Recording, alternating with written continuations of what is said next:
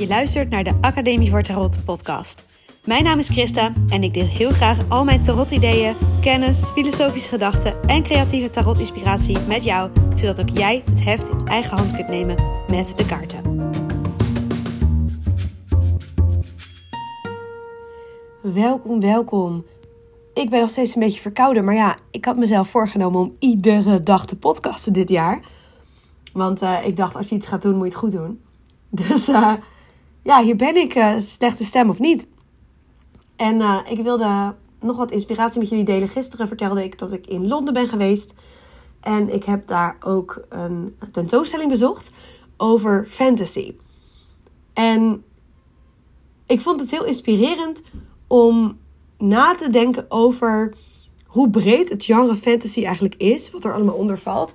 En ook welke aspecten er allemaal zitten aan het bouwen van een andere wereld.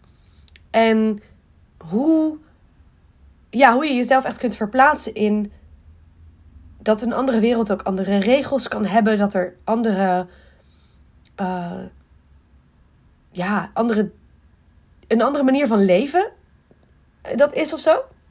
En ja, je hebt allerlei fantasywerelden hè, van um, Lord of the Rings, Harry Potter. Dat zijn natuurlijk de bekendere. Maar al door de eeuwen heen, al vanaf heel vroeg, de Arthur-legendes zijn eigenlijk ook een soort fantasy. Um, nou ja, goed, ik ga niet de hele tentoonstelling. Maar de tentoonstelling ging over um, eigenlijk steeds een beetje een stukje uitgelicht. Bijvoorbeeld um, een stukje over het vreemde. En uh, vreemde dieren en dingen. Dingen die, hoe de levende wezens anders kunnen zijn in fantasy. En een deel ging over hoe, uh, op de, hoe er landkaarten getekend worden van fantasy werelden. Uh, het land van Peter Pan was geloof ik ook ergens getekend. En andere dingen. Het sprookjesbos als thema dat al eeuwen oud is. En nou, zo nog meer. Het ging heel erg over de, de settingen van hè, de wereld waarin fantasy plaatsvindt. En toen dacht ik, tarot is eigenlijk ook een fantasywereld. Op een bepaalde manier zijn die kaarten allemaal een, een. Ze laten een klein stukje zien van een wereld vol verhalen. Van een wereld waarin de personages die je getekend ziet rondlopen, leven, zijn. Hoe is die wereld en hoe is die anders dan de wereld van ons? En ik probeerde me ook al voor te stellen van... Hé, als je de, de grote arcana zou uittekenen op een landkaart... wie zou dan waar wonen? Weet je, als je een stad zou ontwerpen... de stad van de grote arcana... en dan zou de, de heremiet zou in de bergen wonen naast de stad... en de keizer en de keizerin... die hebben misschien een paleis in het midden van de stad... En um, gerechtigheid heeft misschien een eigen huis. En er is misschien een tempel waar de hoge priester en de hoge priesteres zijn. En nou ja, je kunt dus tarot ook zien als een een wereld op zichzelf. En wat ik het mooie vind, is dat je dus bij uh, verschillende decks ook kunt zien dat verschillende decks ook ieder hun eigen wereld bouwen waar je in kunt stappen. En het zijn eigenlijk 78 inkijkjes in die wereld. En het mooie wat ik, wat ik wil zeggen is: het mooie is, je kunt daar zelf nog weer een wereld verder omheen bedenken. Jij kunt in je hoofd de wereld van de kaarten uitbreiden, vergroten. Je kunt in meditatie door die wereld heen lopen. Je kunt die personages ontmoeten. Je kunt verhalen schrijven die die personages meemaken. Het, je kunt eigenlijk ook tarot heel goed gebruiken hè, voor uh, inspiratie om te schrijven. Volgens mij zijn er zelfs wel boeken over. Dat je dus de tarot gebruikt als creatieve inspiratie, als een, een fantasywereld. En tegelijkertijd is afspiegeling van het echte leven. Maar dat is ook wat fantasy vaak is. Fantasy laat je ook nadenken over het echte leven. Over hoe mensen met elkaar omgaan. Over ethiek. Over hoe de wereld in elkaar zit. Maatschappelijke thema's. Weet je, het zit er allemaal in.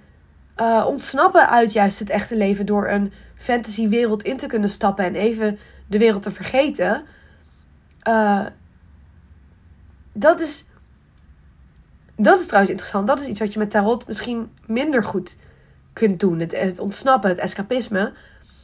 Uh, omdat je tarot vaak hoofdzakelijk gebruikt om te linken aan deze wereld. En omdat je hem als spiegel gebruikt en toepast op je leven, is het anders dan het kijken van een fantasyfilm of het lezen van een fantasyboek. Waar dat misschien subtieler gebeurt of waar sommige mensen daar überhaupt niet over nadenken. Want je kunt gewoon puur als entertainment een film kijken of een boek lezen. Zo kun je ook puur als entertainment een boek lezen over de betekenissen van iedere tarotkaart. Maar ja, dat spiegel je toch eerder aan jezelf. Dus daar zit toch wel een verschil. Uh, maar er heeft dus heel veel raakvlakken. En dat vond ik zo boeiend om over na te denken. Dat de. Uh, ja, dat de tarot. Die. Uh, ja, dat, dat, dat, dat het een fantasywereld is. Een wereld die in het leven geroepen is vanuit uh, de imaginaire vondsten van de makers. En de verdere, nieuwere versies zijn weer adaptaties op het eeuwenoude verhaal. En het verhaal heeft zich gevormd door de tijd heen. Eigenlijk zoals nu ook hè, ehm, legendes of oude verhalen, de, de, de mythen van de Grieken zijn nog steeds inspiratiebronnen voor nieuwe films, voor nieuwe boeken. Ehm, ik heb onlangs een boek gelezen over, uh, hoe heet zij ook weer? Penelope, denk ik. Over, ja, Penelope, van de, de vrouw van Odysseus. En uh, een vrij nieuw boek over de vrouwelijke kijk op het verhaal, het eeuwenoude verhaal van Odysseus. En uh, zo kun je nu, zo zie je nu dat er nieuwe tarotdecks gemaakt worden die ook weer een nieuwe afspiegeling zijn van de maatschappij nu. Bijvoorbeeld ehm, het deck uh, The This Might Hurt Tarot, waar ze expres hebben geprobeerd om niet alleen maar uh, witte, slanke mensen af te beelden, maar mensen van allerlei huidskleuren, van allerlei lichaamstypes.